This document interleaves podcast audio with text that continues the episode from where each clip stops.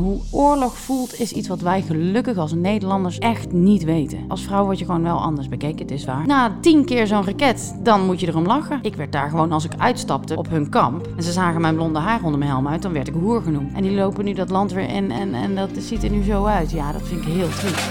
Iedereen heeft een eigen verhaal. En er zijn nog zoveel bijzondere verhalen die verteld moeten worden. Verhalen die ons prikkelen, inspireren, taboes doorbreken of ons leren om te gaan met tegenslag. Ik ben Iris Enthoven en je luistert naar de podcast Held een eigen verhaal. Deze week in de podcast duik ik in de wereld van Dominique, die jarenlang diende in Afghanistan als helikopterpilote. Uh, honderden trainingen, een ongelooflijk professionele opleiding bij de luchtmacht. En dan vlieg je boven Afghanistan en word je ineens neergeschoten door de Taliban. Alles komt op scherp staan, want je wil niet neerstorten in dit gebied. Dus hoe handel je in zo'n crisissituatie, maar ook hoe is het als vrouw in zo'n mannencultuur? En natuurlijk met, ja, met deze actualiteit is het ook wel heel belangrijk om te weten hoe was de situatie in Afghanistan. Um, honderden vragen, dus ik ben heel blij dat je er bent. Welkom. Dank je. Dank je. Hoe is het met je? Goed, dankjewel. Ja, hartstikke goed. Ik vind het mooi dat ik hier mag zitten vandaag. Was het altijd al je droom om bij Defensie aan de slag te gaan? Ja, ik uh, moet heel eerlijk bekennen dat mijn droom eigenlijk was om een heel tof beroep te doen. En, en dat, dat lag toen ik kleiner was uit een van, van veearts tot aan eh, piloot of vlieger bij Defensie. Maar dat vlieger bij Defensie had wel vooral het groene pak, het geheel, de, de, de- het, het grootste ervan. Dat vond ik vooral vet. Ik was helemaal niet zo gefocust per se op het vliegen, maar vooral op de, op de eenheid of zo van het geheel. Ja. Ja. En is het dan uiteindelijk moeilijk om daar terecht te komen bij de luchtmacht? Nou, op zich is het niet moeilijk om terecht te komen bij de luchtmacht. Want eh, er zijn natuurlijk honderden banen. Maar om als vlieger terecht te komen bij de luchtmacht, dat is echt een ander verhaal. En in mijn tijd waren er 2000 mensen die zich aanmelden per jaar. Waar er uiteindelijk na heel veel selecties 10 eh, van werkelijk gingen vliegen de rest van hun leven. Dus ja, dan ben je in ieder geval een stukje neusje van de zalm, zeggen wij altijd. En, Ja. en dat is natuurlijk uitzonderlijk. Maar dat heeft niets te maken met hoe goed je bent. Het heeft vooral heel erg te maken met hoe eh, je genenpakket eigenlijk is opgeleid, zeg ik altijd. Hoe je ouders je gebakken hebben. Want je kan er eigenlijk niet zo heel van doen. Als je rug een klein beetje scheef is, of als je eh, net een beetje scheel kijkt, of als je je oor iets hoger hebt als de ander, dan kan het al afgevallen zijn, zeg maar. Ja. En waarom kies je dan voor een helikopter en niet bijvoorbeeld voor een F-16? Nou, die keuze heb je eigenlijk niet hoor. Je, je krijgt eh, iets toegewezen aan de hand van hoe je je opleiding hebt gedaan. En ehm, voor mij was het uiteindelijk na een beetje gesteggel was het eh, de Cougar, omdat ik dat zelf ook heel erg graag wilde. En dat had heel erg te maken met het, het wisselende takenpakket en dat je daar met een crew vloog. De mensen die daar vlogen, die- ben ik gaan bekijken op een gegeven moment. En er waren jonge lui die heel enthousiast waren. Ik vond een mooie club mensen. Ja, dat triggerde mij heel erg om daarbij te willen horen. Ja. En ben je dan ook al bewust van, los dat het een toffe beroep is en dat je gaat vliegen, van dan word je ook op missies gestuurd? Ja, ik denk wel dat je je dat beseft. Ik denk ook wel dat je daar, weet je, het zou ook een beetje stom zijn als je daar niet over nadenkt van tevoren, maar het werkelijk begrijpen wat dat dan betekent, ja, dat doe je niet. Want dat, dat, zelfs als ik het nu aan iemand uitleg, kun je dat nooit inbeelden. Je weet niet wat oorlog is. En ik zei toevallig van de week tegen mijn moedertje, toen hadden we het erover, je kan eh, je indenken hoe vervelend het is, je, hoe, waar die mensen bijvoorbeeld nu ook doorheen gaan, eh, in Afghanistan weer, als er zo'n regime op je afkomt. Maar hoe oorlog voelt, is iets wat wij gelukkig als Nederlanders echt niet weten. Nee. En weet je dan ook, want je bent op verschillende missies geweest? Ja. Weet je nog goed je eerste missie? Nou, de grap is dat je eigenlijk mijn eerste missie, ik ging echt eh, met een soort ideaalbeeld eh, zorgen dat meisjes weer naar school konden en eh, zorgen dat het land weer veilig werd. En dat was natuurlijk in, in essentie ook wel het doel. Ja. Maar dan kom je daar en dat is niet echt wat je gaat doen. Je gaat niet de schoolboeken uitreiken, tenminste wij niet. Nee. Eh, maar je bent vooral heel erg bezig met niet beschoten te worden en met te zorgen dat je veilig bent. En dat de mensen die in het frontlinie zitten, dat die hun spulletjes hebben om hun taak te kunnen doen. ja. Dus dat is wezenlijk anders dan, dan de gedachte die ik had op de, voorhand. de mooie gedachte eigenlijk. ja. Eh, waar, is, eh, waar is je eerste missie?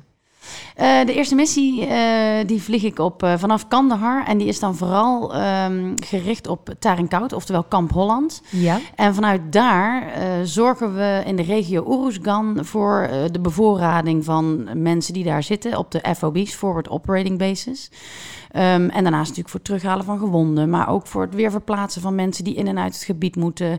Nou ja, dat eigenlijk alles wat erbij komt kijken als je niet over de weg kan verplaatsen vanwege bermbommen of ander gevaar. Hoe is het bijvoorbeeld als vrouw bij Defensie? Ja, deze vraag wordt mij natuurlijk heel veel gesteld en er is ook altijd ontzettend veel over te doen. Ehm, ja, voor mij is het eigenlijk eh, je bent gewoon een vreemde eend in de bijt. Ja? Ja, tuurlijk. Is het echt bent- een ja, mannencultuur, denk ik ook? Ja, het is ook een mannenberoep. Het is hetzelfde. Ik zeg altijd, het is precies hetzelfde als dat je ineens eh, in je nagelsalon loopt of je wimpersalon en dan gaat een man wimpers of nagels zitten zetten. Dat is ook even vreemd. Ja, Dat is net zo vreemde eend in de bijt als dat ik militair ben. En, en dat is ook heel logisch, want ik geloof echt dat in onze oer zitten bepaalde keuzes. Dus wij zorgen als vrouwen eerder voor mensen. En mannen zitten in de oer dat ze eerder technische dingen willen doen. Dus het is gewoon gek dat ik als vrouw een technisch beroep kies. Ja. Maar ik denk dat je altijd je voordeel eruit moet doen. Dus eh, ja, voor mij betekende dat dat ik anders naar dingen keek. Anders naar missies keek. Anders naar de mensen om me heen keek. Anders naar ehm, misschien wel gewoon gedetailleerder soms in vergaderingen luisteren. Wat zegt iemand nou werkelijk? En Ja. daarmee een, andere, een ander doel misschien wel naar boven kon halen. Of een dubbele agenda. Of... Ja. Dus je bent een toevoeging denk ik voor het geheel. En loop je vaak tegen dingen aan, ook in de opleiding en in het werkveld? ja, weet je, je bent minder sterk. Een vrouw is minder sterk. Ehm, je kijkt anders, dus je, je, je, je bent gewoon anders gewired als een man. Dus dat, dat zet je soms op een iets andere humor of een iets andere... Daar moet je een beetje in leren groeien.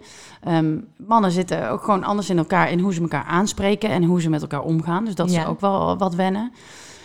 En ik denk dat het als vrouw gewoon van belang is dat je je vooral niet daaraan gaat storen. En wil dat zij met jou mee veranderen. Want dat heb ik heel veel gezien om me heen, dat vrouwen dat graag zouden zien.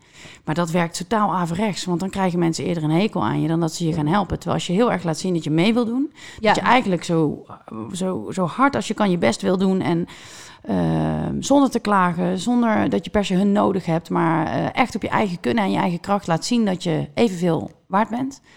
Dan gaan ze alles eraan doen om je, om je te helpen als het nodig is. En, en om je dus gewoon alle respect te geven wat je verdient. ja, precies. En was het soms moeilijk? Heb je daar een concreet voorbeeld van? Ehm, nou ja, weet je, het is. Het is ehm, ik denk dat eh, de voorbeelden in een opleiding die zijn vooral fysiek. Want Ja. je bent, omdat ik net al zei, je bent als vrouw gewoon wat, wat zwakker. Je kan minder hard rennen, je hebt minder spierkracht in je benen. Je kan, die rugzak is erg zwaar. Ehm, dus dan heb je wel eens de, de, de mannen nodig om, om toch eventjes aan de rugzak te mogen hangen. Of ja, om net het laatste stukje te redden. En, en aan de andere kant denk dat ik e- echt keihard trainde om mee te kunnen rennen. En, en net zo goed eh, de, de, de, de eindstreep ergens te behalen. Maar ja, echt een concreet voorbeeld. Ja, weet je, als vrouw word je gewoon wel anders bekeken. Het is waar. Ja? Ja, het is wel. Je, op een soort van seksistische... eh, ja, ik zou dat niet seksistisch willen noemen, maar ik, ik bekijk het altijd van. Ja, het is heel moeilijk om goed te omschrijven, maar eh, de, de wereld is in principe gewired dat een man valt op een vrouw en dat daar zit een stuk voortplanting achter. Dus als je een vrouw in een mannenwereld stopt, dan heeft dat effect. Dat is gewoon gewired zo. Ehm, en dat, dat, dat, dat bruggetje moet je eerst even overheen. En dan heeft iedereen door, oh nee, in deze categorie zijn we vandaag niet bezig. We zijn nu aan, aan het werk of we zijn andere dingen. En dan ben je daar overheen. Snap je Ja. wat ik bedoel? Dan ben je gewoon one of the guys for zover je dat kan zijn. Ja, maar dat vind ik dus altijd heel grappig, want eh, dit staat even los natuurlijk van waar het ze allemaal over gaan hebben, maar eh, ik heb ook wel vaker gehoord van tijdens programma's van, weet je, jij bent een iets stoerdere vrouw, we zetten jou bij de gasten als one of the guys. Eerst vond ik dat een soort van compliment en toen ging ik me daar heel erg aan irriteren. Toen dacht ik, hoezo one of the guys? Want ik ben toch gewoon wie ik ben en het is toch niet dat dat dan de graadmeter is voor stoerheid of zo. Weet Nee. of jij dat ook wel eh, zo had. Nou ja, weet je wat het compliment is wat erin zit? En waardoor je dat ook best als compliment mag zien. Dat betekent dus dat je en heel goed met vrouwen door een deur kan. Ja. En heel goed met mannen. Dat betekent dat je dus multi-inzetbaar bent. Ja, Dus ik vind dat echt een compliment. En Ja. als je dus alleen maar eh, heel vrouwelijk bent en de mannengrappen alleen maar stom vindt, of eh, de mannen taal niet snapt, of dan, dan, dan, dan kun je daar dus moeilijker bij gezet worden. En dat is niet erg, Ja. maar dat betekent dat je daar dus niet voor ingezet kan worden. En ehm, waren er veel vrouwen ook bij Defensie? Nou, dat ligt er maar net in welk vakgebied je bekijkt. Want als je naar de, de geneeskundige dienst gaat, dan, dan kom je er een hele hoop tegen. Ehm, maar ja, in mijn vakgebied zijn er natuurlijk maar heel erg weinig. En eh, dan hebben we bij de Cougar, waar ik bij vloog, vlieg, eh, hebben we er wel wat eh, meer gehad. Maar bij de Jet Squadron zie je ze eigenlijk helemaal niet. Op, op, ook weer een paar na in al die jaren. Ja. Ja. En hoeveel jaren opleiding is dit? Nou, eh, gek genoeg is het eigenlijk een beetje hetzelfde als dat je een eh, universitaire studie doet van vier of vijf jaar. En eh, bij ons is die alleen wat anders ingedeeld. Dus je gaat allereerst word je van burger naar militair, oftewel van spijkerbroek naar groen. Ja. En dat doe je door een jaar lang op een KMA te leren hoe je moet je marcheren. Maar hoe word je eigenlijk leider? Is dat een beetje wat erachter zit? Je wordt gewoon ineens in diepe gegooid. Ehm, en daar doe je, deed je in mijn jaar een jaar over. Ehm, en dat kon ook wel vier jaar. Dan had je lang model, kon je ook een stukje studeren. Maar dat wilde ik niet, want ik wilde eigenlijk gewoon meteen werken en vliegen. En daar word je gewoon in diepe gegooid, omdat je ineens een ander pak aan hebt, een andere taal spreekt, andere opdrachten krijgt die je nooit eerder hebt gehoord of gezien of gedaan. Wat voor opdrachten moet ik dan aan denken? Nou, eh, je gaat nu van dit punt naar eh, een punt 10 kilometer verderop en je neemt al deze spullen mee. Ehm, je weet niet wanneer je eet, je weet niet wanneer je slaapt en eh, het weer zit misschien wel hartstikke tegen en ehm, onderweg moet je die en die opdrachten uitvoeren. Ja, succes. Ja, En dat met allemaal verschillende en vreemde mensen met spullen die je nog nooit eerder hebt gezien. En dat maakt dus dat je een, een totaal ander beeld krijgt van wat je aan het doen bent. Want iedereen om je heen zit in hetzelfde schuitje. Dus vragen stellen is wat we in het normale leven vaak leren een beetje suf. ja. Dat vinden we niet zo... Heel veel vragen stellen, oh, die stelt veel vragen. Maar bij ons wordt het heel erg gestimuleerd. Want hoe dom is het als je, in die end natuurlijk in een oorlogssituatie... niet alle vragen op voorhand gesteld hebt die je had kunnen stellen... Ja. om je missie beter uit te voeren. ja. En dat vind ik al een super bijzonder stukje wat je bij een eh, KMA eh, leert, wat je in andere opleidingen bijvoorbeeld niet leert. Nou, en daarnaast leer je heel erg elkaar eh, waarderen voor wat hij kan. Dus jij en ik zijn verschillend en we hebben waarschijnlijk enorm aanvullende kwaliteiten. En als jij heel goed weet wat jouw zwakke kanten zijn en ik heel goed weet wat de mijne zijn, weten we dus ook waar ik het bij jou misschien zoeken moet. Maar als je je sterke kanten van elkaar weet, dan kun je dus ook heel mooi zeggen tegen elkaar: jij moet dit doen, want dan kan ik straks voor jou dat. En zo krijg je dus een veel beter team. ja. En dat is ook iets waar ik in mijn, in mijn- ik heb een eigen bedrijf gestart, eh, de Ja. Bush Company, en daar heb ik dit eigenlijk, dit probeer ik te leren aan andere mensen. Kijk nou eens niet naar elkaar van goh, wat een suffe bril, ja. maar kijk eens wat erachter zit en wat die werkelijk kan. ja. Dus echt een beetje de militaire opleiding, de mindset die je daar leert. Nou, de mindset, ja. Dus Ja. de militaire opleiding niet zozeer, maar de mindset van het kijken. En dat, dat wordt bij ons erin gepeperd, omdat je heel erg out of je comfortzone gegooid wordt. Ja, En dat doen we normaal niet zo. Ehm, maar dat is één jaar. ja. En dan leer je al een mega groot deel van eh, een beetje anders kijken naar het leven. En vervolgens gingen wij dan eh, naar de MVO, is de elementaire militaire vliegeropleiding. En daar leer je eigenlijk eh, je eerste fixed wing vliegen, dus vastvleugelig. ja. En tevens is dat ook Vet. een beetje een test. Want ja. daar wordt de druk enorm hoog gemaakt en, en eh, komt er stress bij kijken en moet je heel veel leren en eh, moet je laten zien dat je, wat je werkelijk waard bent. En als je dat allemaal gehaald hebt, ja, dan ga je naar Amerika voor een jaar om daar helikopter vlieg- te leren vliegen. Mijn, voor mij dan, hè, voor de jets is dat natuurlijk naar Shepard om fixed-wing eh, jets te vliegen. En ehm, dat doe je ook ongeveer een jaar. Dan leer je in de bergen met goed weer, met slecht weer, bij nacht, op je instrumenten, eh, van alles en nog wat leer je.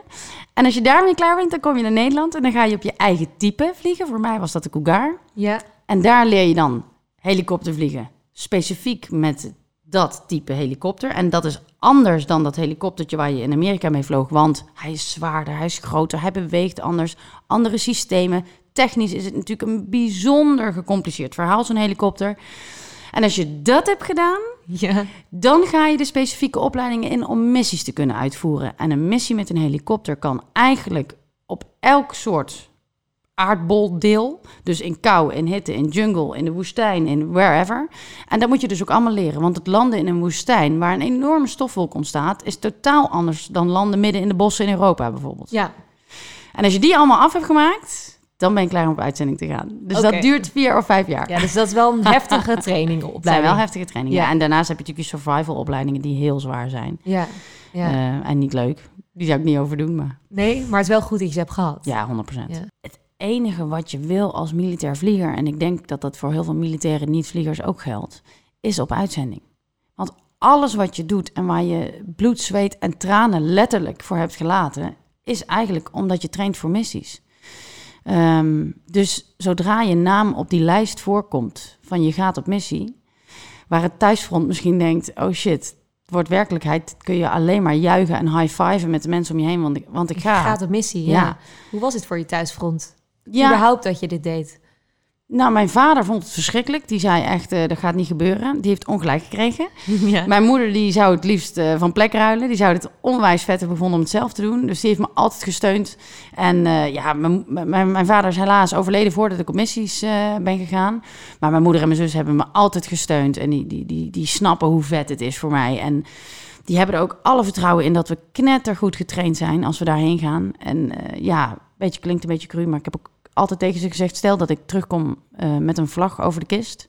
eh, en het niet heb overleefd... weet dan wel dat ik met een smile in die kist lig. Want ik heb echt werkelijk tot op het allerlaatst gedaan... wat ik heel erg graag wilde. ja.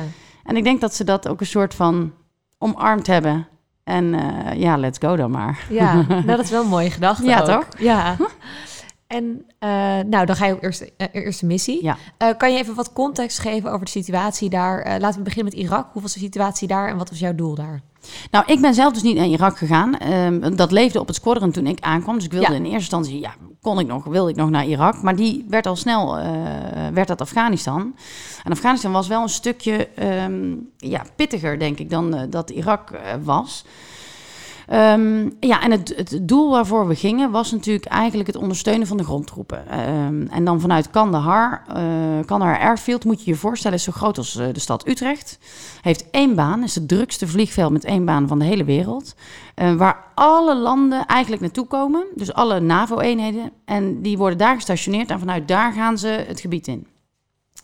Ehm, ja, en wat gebeurt er dan als je op zo'n lijst staat? Dan krijg je een opwerkprogramma waarbij je extra dingen leert voor het vliegen. Omdat die stofwolken daar zo bizar groot zijn, dan krijg je extra tools. Maar je krijgt ook cultuurles, je wordt gekleed en dan loop je zo'n groot magazijn in en dan krijg je ineens desert kleding, want je gaat naar de woestijn. Ja. En als je crasht moet je natuurlijk onvindbaar zijn, dus wil je desert kleding aan. Ja, en dan krijg je je eerste desert vliegen overal. En dan, ja, dan ben je ja, on top of the world een soort van. Hoe gek dat ook is, want Ja. je gaat natuurlijk iets gevaarlijks doen. Maar ja, dan, dan, dan gaat het gewoon gebeuren. De adrenaline spuit dan al uit je oren en dan heb je nog helemaal niks gedaan. Nee, maar ook omdat je weet dat je, wat, dat je van betekenis kan zijn, Ja. denk ik. Ja, dat het niet voor niks is wat Nee. je allemaal hebt gelaten en gedaan. Want je bent best wel veel van huis. Je bent... Ja, je, je, bent bij heel veel. Ik, ik heb geen enkel examen van mijn zus mee mogen maken. Geen enkel feestje. Je, je bent altijd weg. En, Ja. en je doet dat voor een doel. En dat doel was daar. Dus ja, je staat te springen om te gaan. En dan vertrek je op Eindhoven. Dan neem je afscheid van je familie. Ja, en voor hun is het denk ik absoluut moeilijker dan voor jezelf. Want je gaat natuurlijk iets leuks doen. En voor hun, ja, denk ik, voelt het ook wel als een afscheid. Ja, Ehm, ehm, dus dat besef je ook wel, maar je staat er iets anders in. En dan ga je in die KDC-10 en eh, dan gaat die take-off. En je zit met allemaal mensen in militair pak. En dat is het eerste moment dat je weg bent en eh, ja, op missie gaat. Ja, dat voelt, ja, dat voelt heel massaal. Ja, gek dat ik dat woord Ja. gebruik, maar echt als, als we gaan een stukje van de wereld verbeteren. ja we gaan op missie. We gaan ja. op missie met z'n allen. Ja, was het ook het doel waar, waarmee je eigenlijk ooit bent gaan vliegen? Omdat je ook dacht van, ik wil ook iets beter betekenen voor de wereld? Ja, ik denk dat ik ook best wel eh, het gevoel heb dat wij eh, als, als militairen Nederland beveiligen. Dus Ja. ook als er hier echt shit aan de knikker zou zijn, dan kom ik jullie allemaal redden. Dat gevoel heb ik heel erg. Dat kan Ja. natuurlijk niet, maar dat zal Nou, ik wel proberen. Ja. Ehm, ja, dat voor vlag en vaderland, dat, dat, heb, dat heb je als militair wordt natuurlijk ook wel een beetje ingebracht, maar dat heb je ook wel echt. Dus een vlag of het volkslied betekent voor mij ook heel veel. Ehm, ja, dit, je wil gewoon goed doen. Ja, En dit was mijn goed doen, denk ik. ja. En dan kom je aan in Afghanistan. Hoe is de situatie daar? Nou, je komt eerst aan ehm, eh, op een acclimatisatieprogramma. En dat doen ze omdat je niet aan de hitte gewend bent. Want het is echt, je hebt het echt over iets anders dan Nederland. En dat is al bizar. Je stapt uit en dan denk je dat eh, je in de uitlaat van het vliegtuig staat. Maar dat is dus de wind die daar waait. Zo heet. En dan ga je daar een paar dagen slapen. En dan moet je al heel erg wennen aan je spullen die je hebt. En je pak plakt. En je, je bent echt zweterig. En, en eten is allemaal anders. Je moet echt even eh, in een soort programmaatje even acclimatiseren. En dan vlieg je dus door het missiegebied. En ja, en, en dan kom je in een... Je landt met die kist en, en, en nog voordat je bij je tent bent... is het eerste luchtalarm al afgegaan dat er raketten op je geschoten worden. Ja, dat, dat, dat is een gewaarwording die, die, ja, die kan je bijna niet omschrijven. Dan, dan denk je, dit is niet echt. Nee. Het is een, het is een soort van eh, film, lijkt het bijna. Wat gaat er dan door je heen? Nou, de grap is, normaal krijg je eerst uitgelegd wat je moet doen als er zo'n raket bijvoorbeeld komt. Ehm, maar die kans hadden we nog niet eens gekregen, want er viel er al eentje. Dus ja, je doet maar wat de rest doet. Dus we gingen op de grond liggen, want ja, die kan zomaar op jou vallen natuurlijk. Dat zijn van die 105 mm mortieren. Uh, met best wel wat scherfwerking. Uh, of in ieder geval van het grind waar ze opklappen. En ja, je kijkt echt om je heen, wat doet de rest? En, en de rest gaat daar een soort van heel gemakkelijk mee om. Ja, alsof het de normaalste zaak van de wereld Maar dat was het voor hen natuurlijk ook al. Ja. Dat is het gekke. En, en, en je wil niet weten hoe snel je datzelfde hebt. Na tien keer zo'n raket, dan moet je erom lachen. Dan zit je echt, nou, waar gaat hij terechtkomen? Zullen we een gokje wagen? Ja. Het is bijna onwerkelijk. Totdat je de eerste echt dichtbij voelt neerklappen, dan wordt het anders. En uh, totdat je de eerste mensen uh, met de armen onder het bloed uh, voorbij ziet rennen en paniek, dan dat, is ook, dat maakt het ook ineens anders. Maar zolang als die ver weg is, en ver weg bedoel ik dan 400 meter, ja. is het een soort van ver weg. Het is, het is een, een bizarre gewaarwording. En dan kom je bij de mensen die al in het gebied zitten. Ja, dus die zitten er al langer. Die zitten er dan al drie, vier maanden. Ja. En die vangen je op. En dan krijg je een week overlap om... Uh, Elkaar in te werken. Ja, eigenlijk een soort van inwerkperiode. En zij willen heel graag naar huis. En zij zijn heel... Ja, ze gaan naar huis. Ze zijn een soort van feestvierstemming ook. Want zij mogen uh, dadelijk weer een biertje drinken. En zij mogen ja. weer, weet je wel, het normale leven. En jij moet nog beginnen. Ja, je moet beginnen. En je bent er dan ook nog eens voor het eerst. Want de mensen ja. waar je mee gaat, zijn natuurlijk ook ervaren mensen die wel bijvoorbeeld naar Irak waren geweest. Dus ook meer gewend en meer aan die tas en die rugzak. Ja, en als je voor het eerst gaat, man, je sleept je helemaal ja. de blubber aan je spullen. Je weet niet hoe je het kwijt moet. Je weet ook niet precies of je wel het goede hebt meegenomen. Ja. Ja, je bent een beetje onzeker. Je hobbelt maar ja, als een soort van klein eentje achter de rest aan. Terwijl je eigenlijk, als je het in perspectief zou zetten, je bent supergoed getraind. Je hebt alles al gezien. Je hebt Hè, qua dat soort dingen hè, ben Ja. je best wel al eh, heel mans tegenover een andere 23-jarige. Ja. Want zo oud ben je maar, eh 24. Zo, ja. Ja, dus dat, als je dat in, in- weer in In perspectief, perspectief plaatst, ja. is best wel jong inderdaad. Ja. Ehm, nou ja, goed. En dan, eh, dan ga je settelen. Dan ga je de, de HOTO, noemen wij dat, handover, takeover. Dus daadwerkelijk de overdracht van wie krijgt welke taak nu van het nieuwe detachement. Ja. Ja, dan ga je een beetje aarden. Dan ga je je plekje inrichten. Je slaapt in, in een container. En letterlijk zo'n zo'n container als je op een vrachtwagen staan met z'n tweeën. Eh, Ja. En wij als vrouwen met een andere vrouw.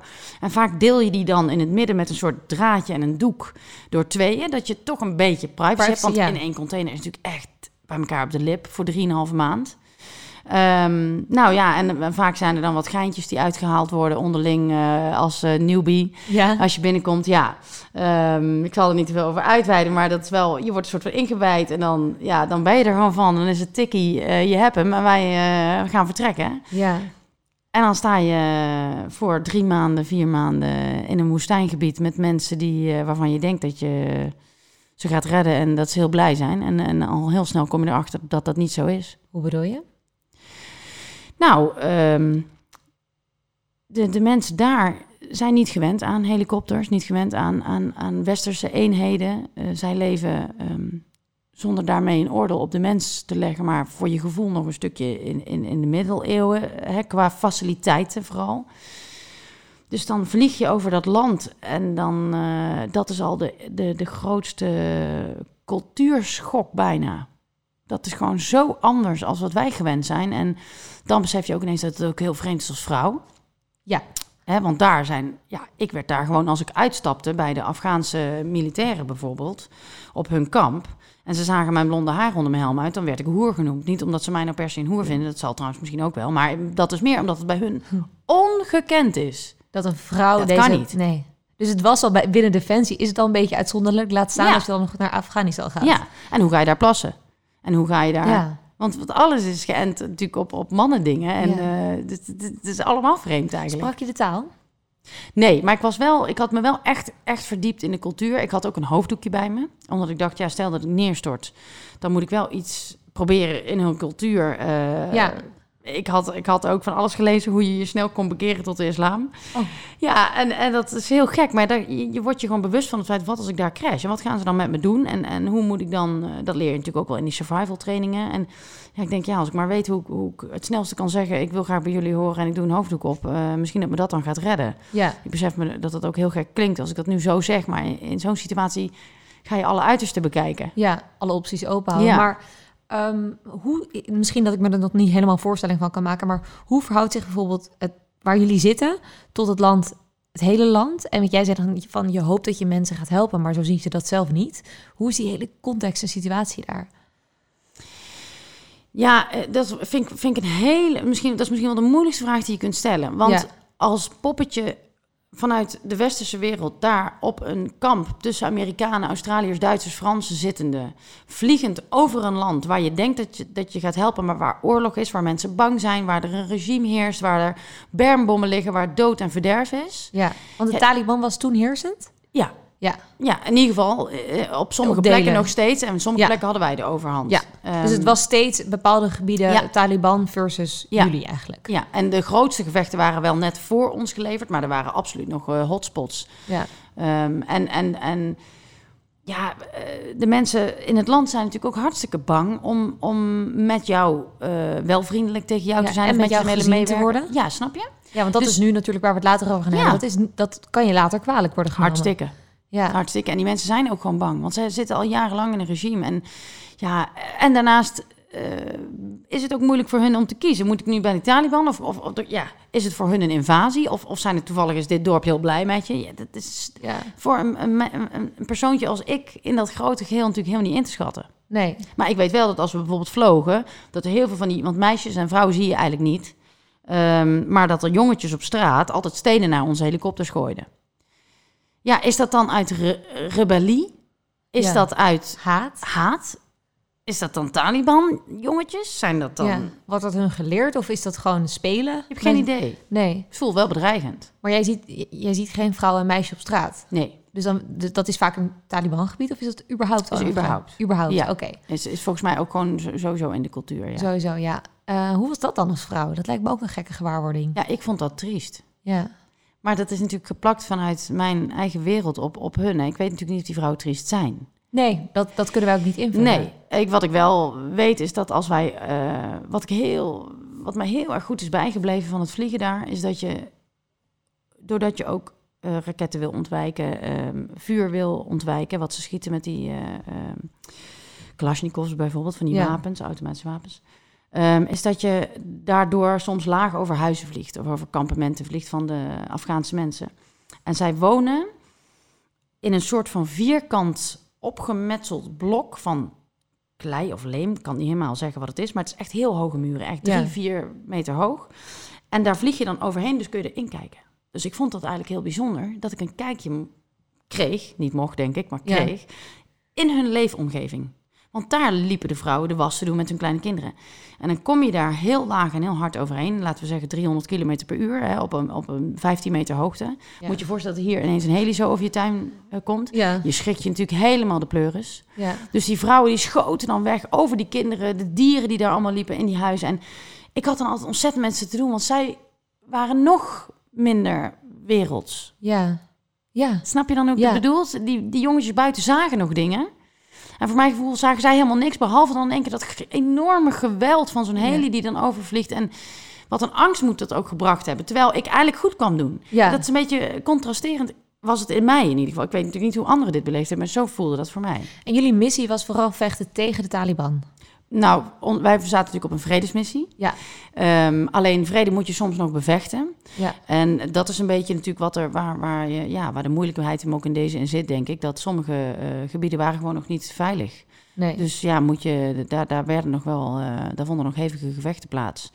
Ehm, maar ja, wij, wij leverden daar vooral ondersteuning aan. Ja, precies. Ja. En hoe, zagen dan die ondersteu- hoe zag dat ondersteuning eruit? Mensen van, van A naar B brengen? Of, of Ja, bijvoorbeeld. Of munitie brengen, of water Ja. brengen, schoenen brengen. Eh, maar kon ook, ehm, ik heb ook wel gevlogen voor eh, de Britse eh, mensen die daar in een veel, nog veel heftiger gebied zaten. Nou, waar ze dan de munitie op was. En ze waren in zware gevechten bij de Taliban. En dan kregen we twee Britse Apaches mee om het gebied in te vliegen. Moesten we via een specifieke route, omdat het anders te gevaarlijk was. En dan vloog je daarin en dan landde je daar.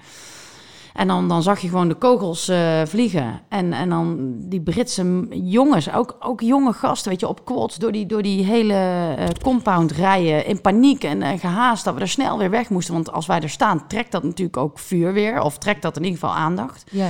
Ja, dat is natuurlijk, ja, hoe, onwerkelijk. Het Ja. is echt onwerkelijke wereld wat daar gebeurt. En wie is er dan goed, wie is er slecht? Is Ja, het- dat is- lijkt me zo moeilijk. is ook moeilijk. daar zijn natuurlijk nu ook heel veel discussies over. En dat weet ik ook allemaal niet.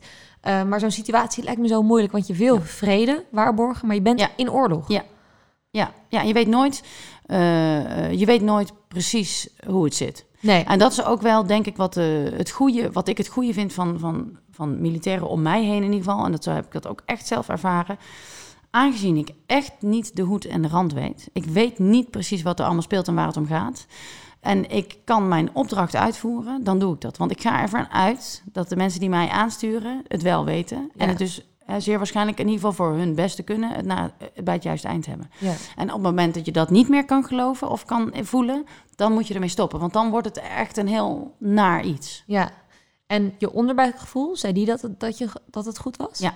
Oké. Ja, tot op de Ja. dag van vandaag Ja. heb ik daar. eh, ik geloof ook echt dat we vrede hebben kunnen brengen. En eh, in die zin, niet in alle gebieden misschien, maar er zijn echt wel vrouwen die weer naar de bios mochten of muziek mochten luisteren. Of überhaupt dat er scholen open waren. Ja. Dat het niet alleen nog maar eh, eh, religieuze scholen waren. Of ik heb echt gezien dat er mensen weer buiten konden komen. ehm, ja, dus dat is heel mooi wel, lijkt me. ja, ik vond dat ook wel fantastisch. Alleen, Ja. je, je- ja, je ziet er eigenlijk te weinig van om er echt van te kunnen genieten bijna. Maar- Ja, want dan ga je, als het goed Ja. is, door naar het volgende gebied. ja, ja, of weer weg, ja. Ja. En eh, hoeveel jaar is Nederland daar geweest? Nou, volgens mij zaten de eerste troepen er al in 2006. En sowieso tot en met eh, 2012, volgens mij, waren de grotere missies. En daarna, nou, tot, tot, tot ik denk bijna nu, hebben we er natuurlijk mensen getraind. Ja. Maar ik moet heel eerlijk bekennen, ik niet in die exacte cijfers zitten. hoor. Het kan best wel zijn dat we er al iets eerder zaten en, Ja. en, en er nog steeds zitten. Maar dat, eh, je weet natuurlijk nooit alles. Hoeveel levens zijn daar eigenlijk gegeven voor die vrijheid? Eh, bij mijn weten 25 Nederlandse eh, jongens. Bij, toen jij daar zat? Ja, Ja. In, de, in, de, in de, volgens mij de tijd dat wij in Afghanistan hebben gezeten, ja. Wat doet dat met je als je daar zit? Ja, dat is het besef dat het menens is. Ehm, ja, de ceremonies die je dan hebt, want daar ben je natuurlijk bij. En eh, op het moment dat je als helikoptervlieger getaskt wordt om zo'n eh, jongen terug te brengen naar zijn familie in je heli, ehm, ja, dat, dat, dat is natuurlijk een. Ja, dat kun je niet omschrijven. En, en, en, en, eh, je wil ook iemand echt weer met eer naar huis brengen. En Ja. die vlag over die kist en die wordt dan over dat kamp gedragen. En ja, dat, dat doet iets met al die militairen. Die verbondenheid die ik net bedoelde in het begin van de, de, de eenheid waar je mee op pad bent.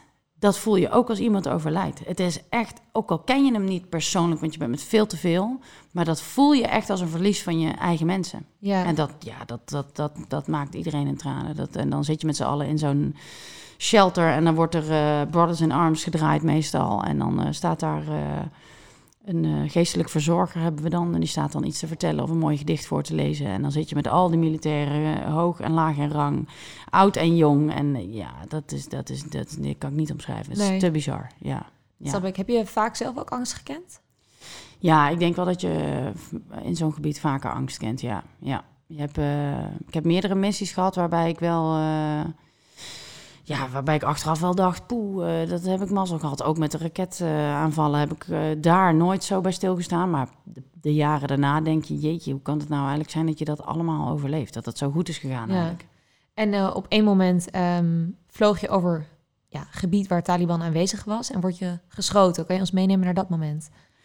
Eh, ja, nou, nou was er natuurlijk overal Taliban aanwezig. Dus het- wat, je, wat je probeert te doen is natuurlijk altijd een route te kiezen die eh, iedere dag anders is. Ja. Daar begint het al mee. eh, Zodat je zo veilig mogelijk kan vliegen. Zodat zij geen structuur herkennen. Ja, exact. Ehm, en daarnaast heb je allerlei regelingen voor jezelf. Hoe noem je dat? Dat je binnen bepaalde gebieden blijft qua, qua vlieghoogtes om zo veilig mogelijk te vliegen. Is dat dan hoger of heeft dat er niks mee te maken? Dat is Ja, even kan- wat, wat ja, de leek nu Ja, denkt. hè? dat snap ik. Ja, dat Ja. Is, het kan heel hoog zijn, hoger dan dat ze kunnen schieten. Maar je kunt je ook voorstellen als je heel laag vliegt, dat je te snel bent om op je te kunnen schieten. Dus dat is, kijk, Ja. maar je moet op een moment naar de grond. Dus je moet op een moment laag vliegen en je moet op een moment ook Ja. heel hoog vliegen. Ehm, om bijvoorbeeld over de bergen daarheen, dat is gigantisch hoog. En die zijn zo hoog dat we soms ook niet hoger kunnen. Dus dan Nee. ga je heel hoog over een berg heen en dan ben je bij de berg heel laag. Ja, En dan ga je na de berg weer heel hoog. Dus het is een continu Allemaal- proces van hoe ben ik zo veilig, veilig mogelijk. Ehm, nou ja, goed. En die dag vlogen we ook over een bergtop. En daar zijn we eigenlijk gewoon eh, beschoten door iemand, eh, zeer waarschijnlijk met een PKM, is een oud Russisch wapen. En die heeft een gordijntje eh, van kogels neergelegd. En, of neergelegd, hoe zeg je dat, in de lucht geschoten. Ja. In onze richting. En dat heeft hij heel erg goed gedaan. En daar zijn wij doorheen gevlogen. En eh, één kogel heeft ons geraakt in de staart, waardoor ehm, eh, er eh, bepaalde hydraulische leidingen zijn geraakt. En ook nog bepaalde andere systemen, waardoor de besturing eigenlijk in zijn totaliteit zo goed als weg is gevallen, of in ieder geval heel moeilijk werd. Dan raak je namelijk, je verliest heel erg veel olie. Ehm, en je kan eigenlijk niet besturen, dus je heli vliegt compleet scheef. En op dat moment hebben we even gedacht, we waren net namelijk weg bij Kamp Holland. En we moesten terug naar Kandahar. We hadden mensen opgehaald die eh, na drie maanden weer naar huis mochten. Dus dat wilden we Hoeveel mensen zaten er achterin? Tien mensen. En we zitten zelf met een crew van vier. En ehm, ja, op de terugweg, eigenlijk was alles heel erg voor, voortvarend. En op de terugweg vliegen wij dus door die, eh, tegen die kogel. Of die kogel raakte ons, moet ik eigenlijk zeggen. Je zegt, voor het, het- was het ook zo van tevoren dat je dacht, doen we even? Was het, of was Ja. het wel een gevaarlijke route? Nee, het was helemaal geen gevaarlijke route. In die zin dat alles daar even Gevaarlijk nou is, Ja, ja. in ieder geval zo goed als even gevaarlijk is. En wij vlogen deze eh, route, niet exact de route, maar om en nabij, elke dag drie keer bij wijze van Ja. spreken. Vier keer, vijf keer. Dus we waren het wel gewend. En deze missie, de missie was mensen ophalen, die was super simpel. Ja. Dus dat, is- dat, dat we hebben vele gevaarlijkere missies gedaan.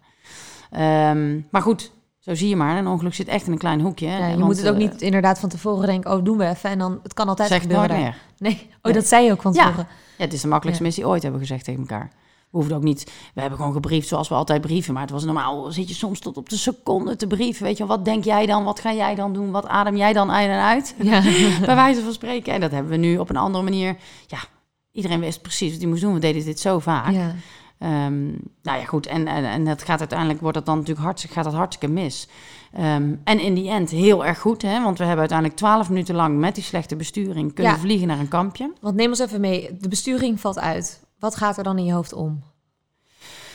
Nou, de besturing gaat uit. eh, dat merk je doordat die helikopter totaal een andere kant op vliegt dan, dan normaal rechtdoor. Ja. Ehm, en de controls worden voor mij als vlieger ontzettend zwaar. Ehm, dus wat je doet is, is, je bent heel hard aan het sturen. En je Ja. kan die controls bijna niet bewegen. Eh, maar op dat moment komt er een soort van hyperfocus. Dus die gezagvoerder die gaat zijn checklist dingen doen. Die gaat zorgen dat er com- communicaties met de andere eenheden... eh, dat we als we neergaan gered kunnen worden. En ik als vlieger ben heel erg hard aan het zorgen dat die kist zo goed mogelijk en zo rustig mogelijk blijft vliegen. Want dat ik geen grove bewegingen maak. Want bij deze emergencies, eh, noodprocedures, als je daar grove bewegingen bij maakt, dan kun je de, Kan het in één keer? ja, dan kun je de, de, de, de controle kwijtraken. Ja. Was er veel Ehm, angst om daar neer te storten? Ja, ja.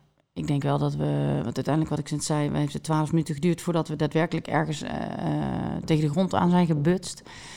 Ehm, heb ik wel twaalf minuten lang gedacht, we gaan wel neerstorten. En dat komt omdat wij trainen heel erg in een simulator allerlei procedures en allerlei nooddingen die er kunnen zijn. Maar alles wat we nu zagen, hadden we nog nooit eerder gezien.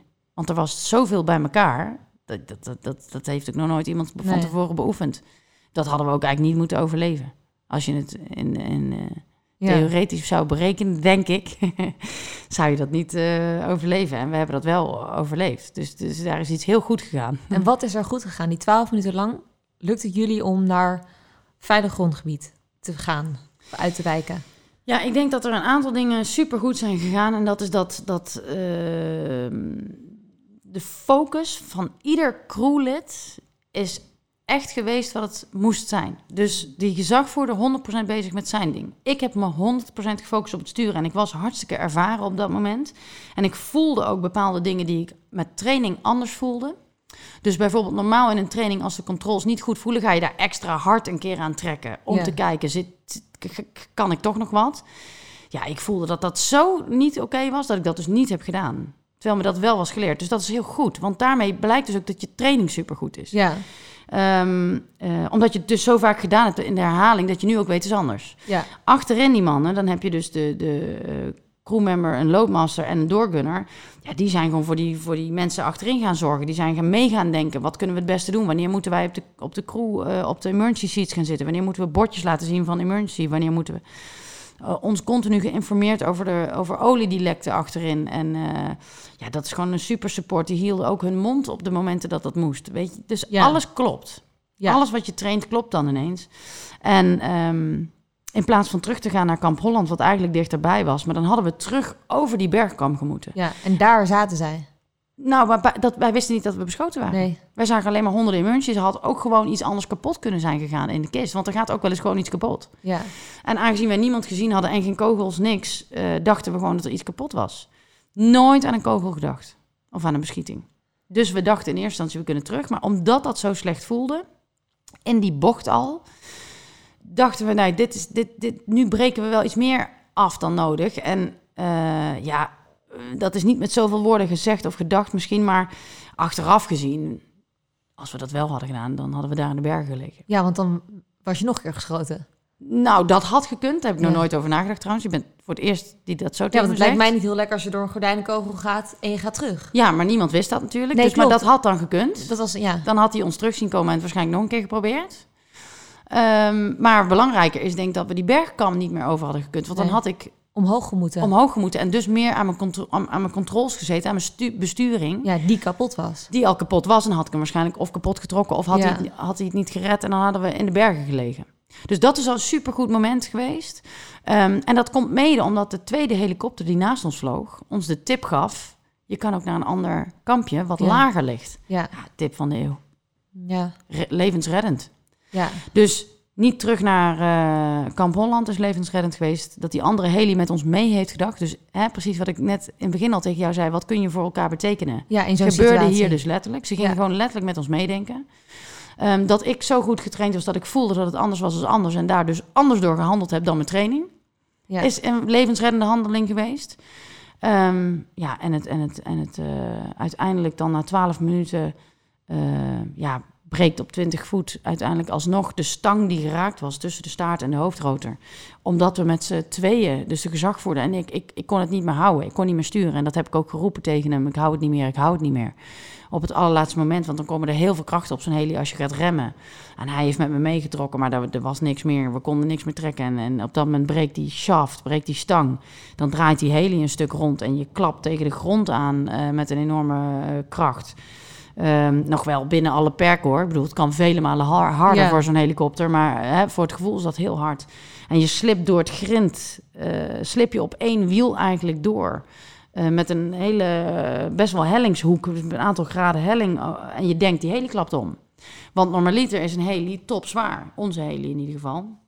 Maar omdat wij tien me- mensen achterin hadden zitten, lag de, het zwaartepunt wat lager. Ja, En in plaats van dat hij dus omklapt, klappen we dus terug in dat grind. En ik kijk voor me en ik zie eh, daar een enorme stapel aan raketten opgestapeld liggen. Echt op, op 10, 20, 30 meter afstand. En in de richting van waar we eigenlijk gingen stonden twee enorme vrachtwagens met kerosine opgetopt. Want het bleek een bevoorradingskamp van de Amerikanen waar we midden in hun munitiedepot, zeg maar, als we ongeveer geland waren. maar Maar je wat had op die niemand... raketten kunnen landen Ja. of kunnen omklappen. Ja, ja, en dan hadden we gewoon een grote vuurbal eh, en een gat in de grond eh, achtergelaten. Ja, Dus ja, dat is, dat is bijna te bizar. Dat je dit allemaal bij elkaar optelt en het dan overleeft. En dat ik hier vandaag met jou zit te praten, zeg maar. ja. Dat is ook iets wat, ik, wat me het langst is bijgebleven. Of Wat, wat denk je op dat moment dat je daar kijkt en dat je daar zit? Nou, op dat moment denk je alleen maar... Holy shit, wat is er gebeurd? Ik weet ook nog dat ik in de twaalf minuten lang ben je eh, gefocust bezig. En dan bij zodra je geland bent, komt er een soort van superspanning uit. Waardoor ik alleen maar kon shaken. Ja. Ik denk ook een stukje shock misschien. Ehm, en de tranen rolden wel over mijn wangen. En dat, dat, dat, dat weet ik ook nog dat ik dat aan mijn crew vraag. Is iedereen oké? Ik maakte me enorm zorgen eh, na de landing of dat iedereen wel oké was. Ehm, en mijn gezagvoerder die eh, heeft ook wat tranen, die handelt nog wat af. En die zegt ook tegen mij van, ja, je hebt het supergoed gedaan. Je had niks meer kunnen doen dan wat je gedaan hebt. Nee. Het was fantastisch. Ehm, hoe gek ook, maar dat is natuurlijk wel wat het was. Ja. En, en dan, dan ik, word, ik kon niet meer zelf uitstappen. Dus mijn loadmaster, die tilt mij uit die eh, cockpit. Omdat aan- je in shock was. Ja, ik was Ja. zo. ik maar ik was ook... Het sturen was zo zwaar, dat Ja. twaalf minuten lang heel zwaar aan die controls. Ja, Ja, dat, is, dat gaat ook in je spieren zitten. Dus de trilling kwam denk ik van shock, van spanning... maar ook van de spierspanning die ik continu had gehad. Ja, toen tilde ze me eruit. En ik weet nog wel dat, dat, dat, dat wij rookten toen nog... ja. En eh, dat het eerste wat we deden was een sigaret opsteken naast die hele. En dat die Amerikanen aankwamen gelopen en die zeiden... Je mag, hier, nee, je mag hier niet roken. En wij Ja. echt zo, je mag hier niet roken. Ik, ik heb net... eh, mijn leven was niet zeker. Ik heb het overleefd. Ik, ik rook hier even een paar weken. Ja. Totaal andere beleving natuurlijk. Ja. Ja. en die mensen achterin... Ja, die zijn natuurlijk ook totaal verbaasd over wat er gebeurt. Hoe was het eh, voor hun? Nou ja, dat vind ik heel moeilijk om, eh, om echt wat goeds over te kunnen zeggen. Kijk, ik denk dat zij een hoop gevoeld hebben. Een hoop ook niet meegekregen hebben, omdat ze niet op de communicatie zaten. Eh, maar het moet angstig zijn geweest. Want als jij in een vliegtuig het bordje emergency omhoog ziet komen... dat is sowieso angstig. Ja. En eh er lekte olie in de cabine. Dus dat moet ook vreselijk voor hun zijn geweest. En ja, weet je, dan, dan, dan stap je met z'n allen uit. En dan gaan er allerlei procedures in gang. En ja, daar, daar, daar, ja dan, dan, dan ga je ook eh, uit elkaar. Hè? Want de crew wordt aan onderzoek eh, eh, blootgesteld. Dus je krijgt je een onderzoek van de marechaussee. Of Alles dat wordt je, gecheckt, ja. ja. of dat je fout bent geweest. Dus jij gaat een heel, ja, waar je eigenlijk altijd bang voor bent. Als Ja. vlieger, gek genoeg. Ja, dat je dan toch verkeerd hebt gehandeld. Tuurlijk. Ja. Of jij, of jij schuldig bent. Ja. Ehm, en dat, gaat, dat traject ga je dan in en er komt een commissie van onderzoek en je moet alles precies herhalen. Dus je wordt helemaal, ja, een aantal dagen lang helemaal onderworpen aan, aan vragenlijsten en weet ik wat allemaal. En vervolgens moet je weer die kist in. Ja. Want dit gebeurde bij mij in de tweede keer Afghanistan, tien dagen nadat ik in het gebied was. Dus ik moest nog drie maanden. Ja. Dus twee dagen later zei mijn, eh, mijn S3, een van mijn beste vrienden, die zei, ja, je moet wel weer instappen. En ik zei, nou, dat denk ik niet, dat, dat hoeft voor mij Nee. niet. En eh, hij zei, nou, dat moet. Nou, ik zei, dat, eh, nee. Hij zei, Dominique, geloof me, dat moet. En ik ben gegaan uiteindelijk met ook een hele goede maat van me. En toen gingen we brownouts trainen in de woestijn, waarbij hij licht traverserend, zeggen we dan, dus licht met een licht draaientje neerkwam. Helemaal niet veel, totaal normaal ook. Maar dat triggerde in mij die landing. Dus ik weet nog dat ik met mijn handen en mijn voeten letterlijk tegen het raam aangeplakt zat. En toen keek ik hem ook aan. eh, en toen heb ik ook gezegd, oké, dit moeten we nog een heel aantal keer doen. Ja. Om het uit mijn systeem te krijgen, om weer normaal te kunnen vliegen. Dus Ja. het was super goed dat we dat hebben gedaan Ja. uiteindelijk. Hoe is eerst het telefoontje hierna naar thuisfront? Nou, er is, eh, nadat er zoiets gebeurt, ehm, komt er altijd een black hole. Dat is niet alleen bij ons, dat is bij alles. Als er iemand overlijdt of wat dan ook, dan is er een black hole, zodat er niemand communicatie kan hebben met buiten. Want je weet niet precies wat er is gebeurd, er moet nog een onderzoek plaatsvinden. Maar daarnaast is het ook natuurlijk verschrikkelijk als familieleden eerder horen via social media, wat toen nog niet zo sterk was, maar de krant of het nieuws, Ja. dat er echt iets is gebeurd in Afghanistan met welk type helikopter. Want dan kunnen je ouders natuurlijk ook wel raden wat er is. Ja. Ehm, of in ieder geval denken dat er wat met jou is. Dus dan mag je de eerste keer eventjes bellen eh, dat je oké bent. En mijn moeder en zus waren al wel eh, geïnformeerd over dat er wat met mij was. Maar niet precies wat. Maar dat ik wel overleefd had, maar niet hoe ik eraan toe was. Nee.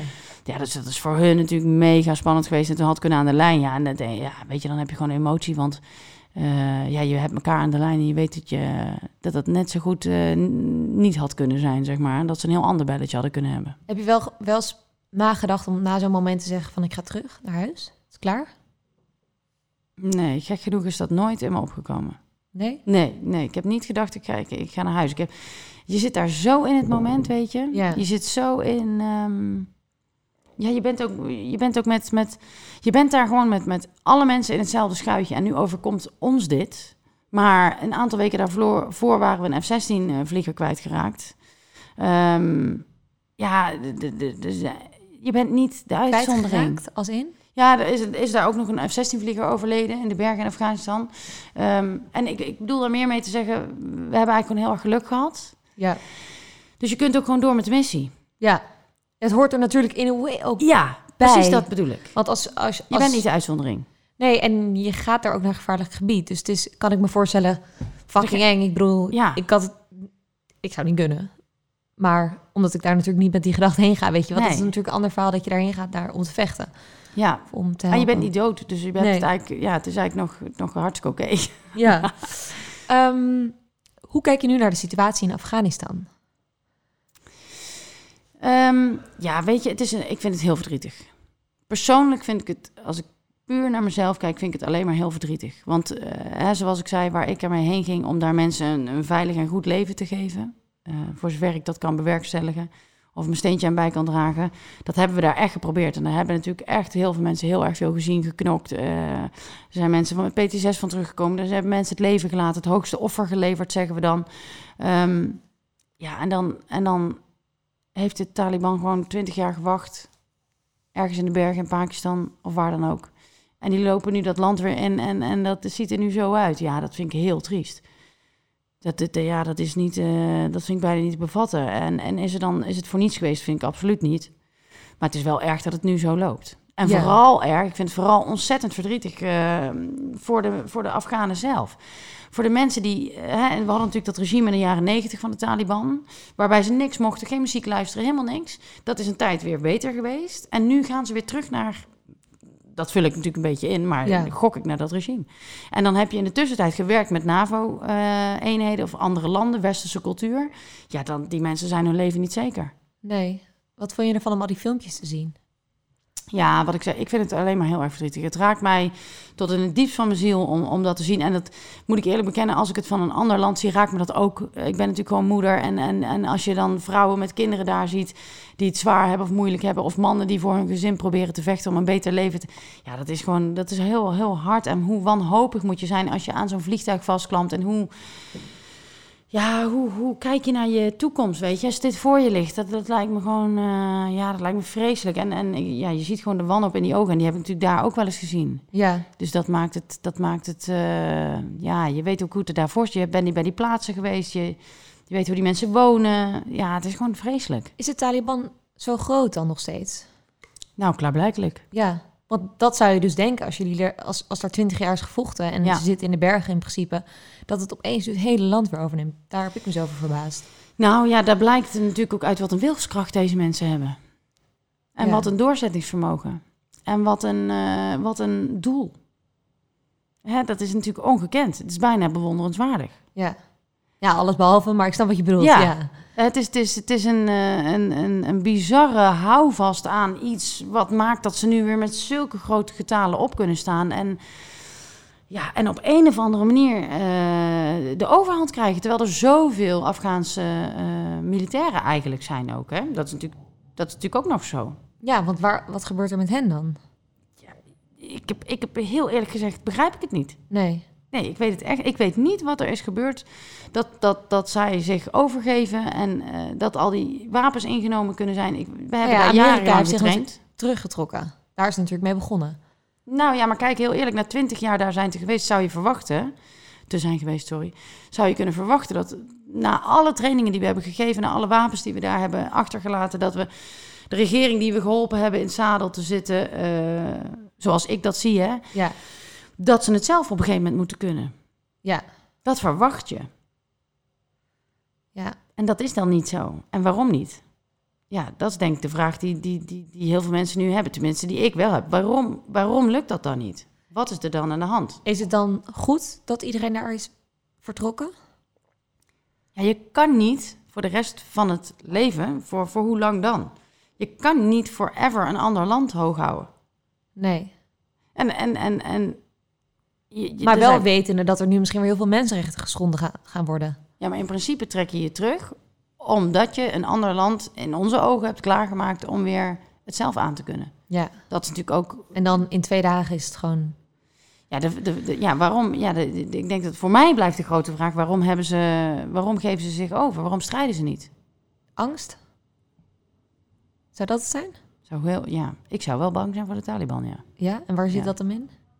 Wat heb jij gezien? Ja? Ja, ik vind ze wel meedogenloos, ja.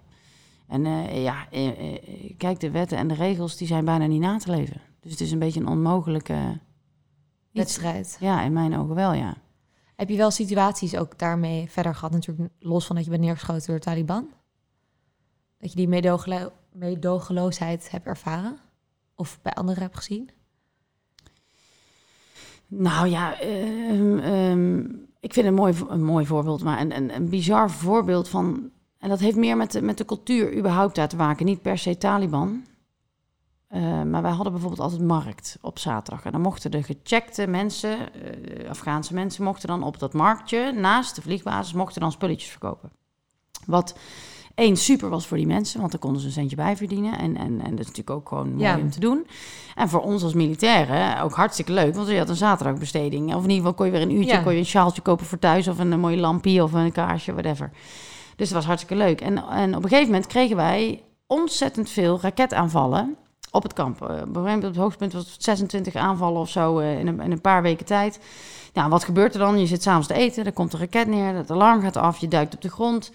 Eh, gewonden, ellende. En, en dan, eh, dat duurt dan eh, de hele avond of de hele nacht. En dan, nou... Op een gegeven moment was dat zoveel dat we hebben gezegd van nou, of wij, ik zeg dan ik maar. weet je, we gaan de, de markt stopzetten totdat er vanuit die richting, vanuit die dorpen, geen raketten meer komen. Want wij kunnen niet achterhalen waar het vandaan komt. Jullie weten dat waarschijnlijk wel, als dorpelingen. Dus tot die tijd geen markt meer. En dat is voor hun natuurlijk een houvast. Dus nou, wat gebeurde er? Drie dagen later stonden er drie hoofden op pinnen bij de poort van de daders. En de markt kwam weer door. Hè, wacht, huh? Snap je? Van de daders die die raket op jullie af... Ja, nou, dat, tenminste, daar gingen we dan vanuit. Oh. Dus ze hadden gewoon eh, gezorgd dat die markt weer door kon. En dat was me meedogenloos. Nou ja, daarmee zie je dat het ook een andere, ja, ik zou bijna zeggen cultuur is, of een andere manier van doen. Dat zou je Ja. hier in Nederland niet, niet kunnen bedenken. Nee, dat als ik niet op de markt mag staan, dat ik even ga zeggen van... Nee. eh, Nee. Maar ook, ook eh, weet je, ja, kijk naar de verhalen die, die je hoort als, als vrouwen eh, niet luisteren. Of als ze gevonden worden met muziek of make-up. Of eh, wat er dan mee gedaan wordt. Ik weet nog ook nog wel heel goed. Was een, ik mocht een keer mee met een, met een arts. eh, mocht niet mee naar binnen, maar die richting op van het kamp. En ze vertelde me de verhalen ervan. Dat er op een gegeven moment bijvoorbeeld een vrouw naar de dokter moest. En nou, überhaupt het feit dat een vrouw, nou, weet ik hoeveel kilometers lopen of rijden eh, bij onze doktoren mocht komen, was al uitzonderlijk. En dan moest dat dan met een vrouwelijke arts zijn, terwijl eigenlijk eh, alleen maar mannelijke artsen op een gegeven moment van de Afghaanse artsen waren. ja, Ehm, die mocht dus niet gezien worden door die mannelijke arts. ja, Mag niet. Prima, die werd dus door onze verpleegsters of vrouwelijke artsen behandeld. Maar uiteindelijk wilde zij geen kinderen meer, want ze had er al negen. Oh, en toen schreef die Afghaanse arts schreef voor één maand de pil uit. En daarmee werd ze dus weer ettelijke kilometers wandelend teruggestuurd. Zo van, dit is je medicijn. Snap je, het is een zo'n groot... eh, verschil dat we er bijna niet bij kunnen. en dan kun je je afvragen, weet die Ja. arts dan niet waar hij het over heeft? Ja. Of interesseert hem die vrouw niet? Of wat is dan de, wat is nou de deal? Ja. Wat denk jij dat de toekomst kan zijn van Afghanistan?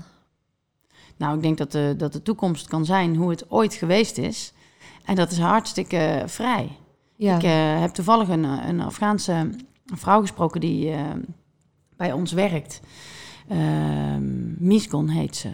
Prachtig mooi mens, levenslust. En zij vertelt mij over, volgens mij komt ze uit Kabul of Kandahar. Kandahar misschien.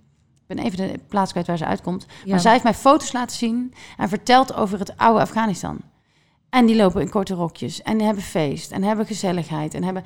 Ja, dat gun ik die mensen, dat ze dat, ze dat leven weer terugkrijgen, want dat kennen ze dus al. Ja, dat, dat zit er dus wel.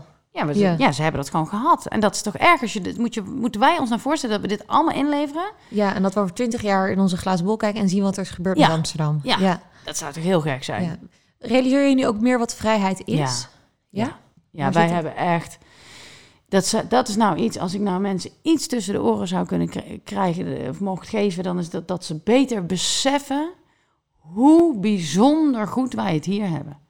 En dat kun je echt als een cliché zien, maar het is zo ontzettend waar. Als je de keuzevrijheid hebt om überhaupt, jij en ik, hier vandaag te zitten. ja. Gewoon dit, Omdat wij het mooi vinden om dit te maken? Ja. omdat wij dit leuk vinden om te doen. ja. En dat ik dadelijk de deur uitloop, mijn auto instap en naar mijn huis loop, omdat ik dat kan. ja. Dat is de vrijheid die heel veel mensen al niet hebben. ja. En dan heb ik het niet eens over je studie mogen kiezen of je werk mogen kiezen. Of, maar de simpele dingen, naar de winkel lopen, iets kopen. Ja. En dan klagen we hier soms omdat de buurman verkeerd geparkeerd heeft. ja. Ja. Of, dat, of dat de kat in de tuin loopt. ja. Of dat... eh, waar klagen we niet allemaal Ja. over? Zonder dat we überhaupt van de hoed en de rand weten waar we het over hebben. Ja, nou ja, 100 procent. Ik ben het helemaal met je eens. Ehm, en, en, en nu jouw werk. Hoe ziet, je, hoe ziet jouw werk er nu uit binnen Defensie? Nou, ik, heb, eh, ik zit nu in de staf, dus ik mag nu ondersteunen aan het grotere geheel, zeg maar. Hè? Dus, dus daadwerkelijk eh, waar beleid gemaakt wordt of waar er nagedacht wordt over, over regelgeving of over hoe operaties eh eruit moeten zien. En dan ben ik echt ondersteunend aan een generaal. En dat vind ik heel bijzonder om te zien, want dan zie je ook wat het, hoe moeilijk het is om vanuit een groter Ja. geheel iets te moeten bepalen. Als je onder in de operatie zit, is het ook weer heel makkelijk. Om heel volgzaam te zijn eigenlijk. Nou, volgzaam, Ja. maar ook om te, te klagen soms. Of om te zeggen van nou, dit werkt niet en ik heb mijn spullen niet. En, maar als je dan ziet hoe, hoe, hoe moeilijk het is om zo'n groot orgaan als een, als een luchtmacht bijvoorbeeld aan te sturen, is hartstikke lastig. Ehm, ja, en daarnaast eh, eh, heb ik gewoon met mijn ervaringen eh, voor mezelf natuurlijk een heel mooi tweede ding wat ik er nu naast doe. Ja. Als mijn eigen bedrijf, waarmee ik gewoon mensen de dingen, de lessen wil leren die ik zelf door de jaren heen heb mogen leren hierdoor. ja. En welke lessen zijn dat? Nou, dat is een beetje waar ik mee begon. Hè? Dat je dus eh, de mensen om je heen anders moet gaan bekijken dan, dan hoe wij dat leren. Ja. Dus eh, op de basisschool eh word je heel erg geleerd volgzaam zijn. Als je niet in het rijtje past of je nek boven het ma of je kop boven het maanveld uitsteekt, wordt je er afgehakt. Terwijl eigenlijk dat juist heel bijzonder is als je dat wel kan. Als je anders kan kijken dan de rest. En dat je van elkaar daar de waarde in moet zien. Maar daarnaast denk ik ook wel dat het gewoon heel erg waardevol is om je te beseffen dat we zeggen heel vaak: Oh, dat kan ik niet. Of ja, dat kan hij of zij wel. Maar ik denk dat je dat nooit moet zeggen. Ik denk Nee. dat je altijd moet zeggen: Ik kan dit. Want de rest wat je niet kan, boeit totaal niet. Nee, wat jij zegt over die kwaliteiten bij elkaar kijken. niet aan de ja. orde. Nee. En ehm, ik heb veel, misschien veteranen, maar ook mensen die eh, ja, voor Defensie hebben gediend. Veel te maken met PTSS, heb ik begrepen. Ja. Ook. Hoe, ehm, heb, je, heb jij daar zelf last van gehad? Nee, heb ik nooit Nee? last van gehad. Nee. Oké, veel wel mee te maken gehad, mensen in je omgeving? Nou, ik vind het eh, over het algemeen, ja, het zijn er natuurlijk een hoop. Hè. Het komt ook veel het nieuws, dus je ziet er veel van. Dus, dus zijn er ook een hoop. Maar Ja. er zijn natuurlijk veel meer die het niet hebben. Ja. Ehm, Dus en, dat is ook goed om te benadrukken. Nou ja, er zijn natuurlijk veel meer die het niet hebben. Ja. Vele malen meer. En eh, ja, het is verschrikkelijk als je het hebt, want het, het neemt je helemaal over, denk ik.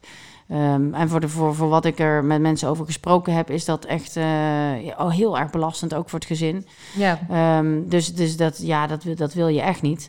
Ehm, maar ik vind het altijd wel belangrijk om ook te benadrukken dat er een hele hoop mensen met een hele hoop mooie en goede ervaringen, met een hele hoop mooie vrienden, met een hele hoop eh, goede toekomstideeën terugkomen van dit soort eh, dingen. ja. En die er echt, echt gelukkig iets, iets mee kunnen doen. In Ja. plaats van er alleen van lijden. Wat zou je als laatste nog willen meegeven aan de luisteraars? Wat ik graag mee zou willen geven aan de luisteraar is dat je altijd baas bent over je eigen mindset. En daarmee bedoel ik naar alles hoe je er naar kijkt in de wereld. Dus of dat nou naar je medemens is, of dat nou naar een probleem in de wereld is, of dat naar je situatie is waar je zelf in zit. Je bent altijd zelf wat je denkt. En je bent dus ook de enige aan dat roer. Dus je bent ook de enige die dat echt kan veranderen. En als je bereid bent om te kijken hoe jij in het leven staat, niet eens per se om het te veranderen, maar bereid bent om ernaar te kijken, dan leer je al zoveel. Dat is bizar. Dankjewel voor het mooie gesprek. Dit was hem dan, de podcast Held en Eigen Verhaal. Laat me weten wat je van de aflevering vond. En vergeet vooral niet te volgen, zodat je als eerste op de hoogte bent als er een nieuwe aflevering online komt. Bedankt voor het luisteren. Tot volgende week.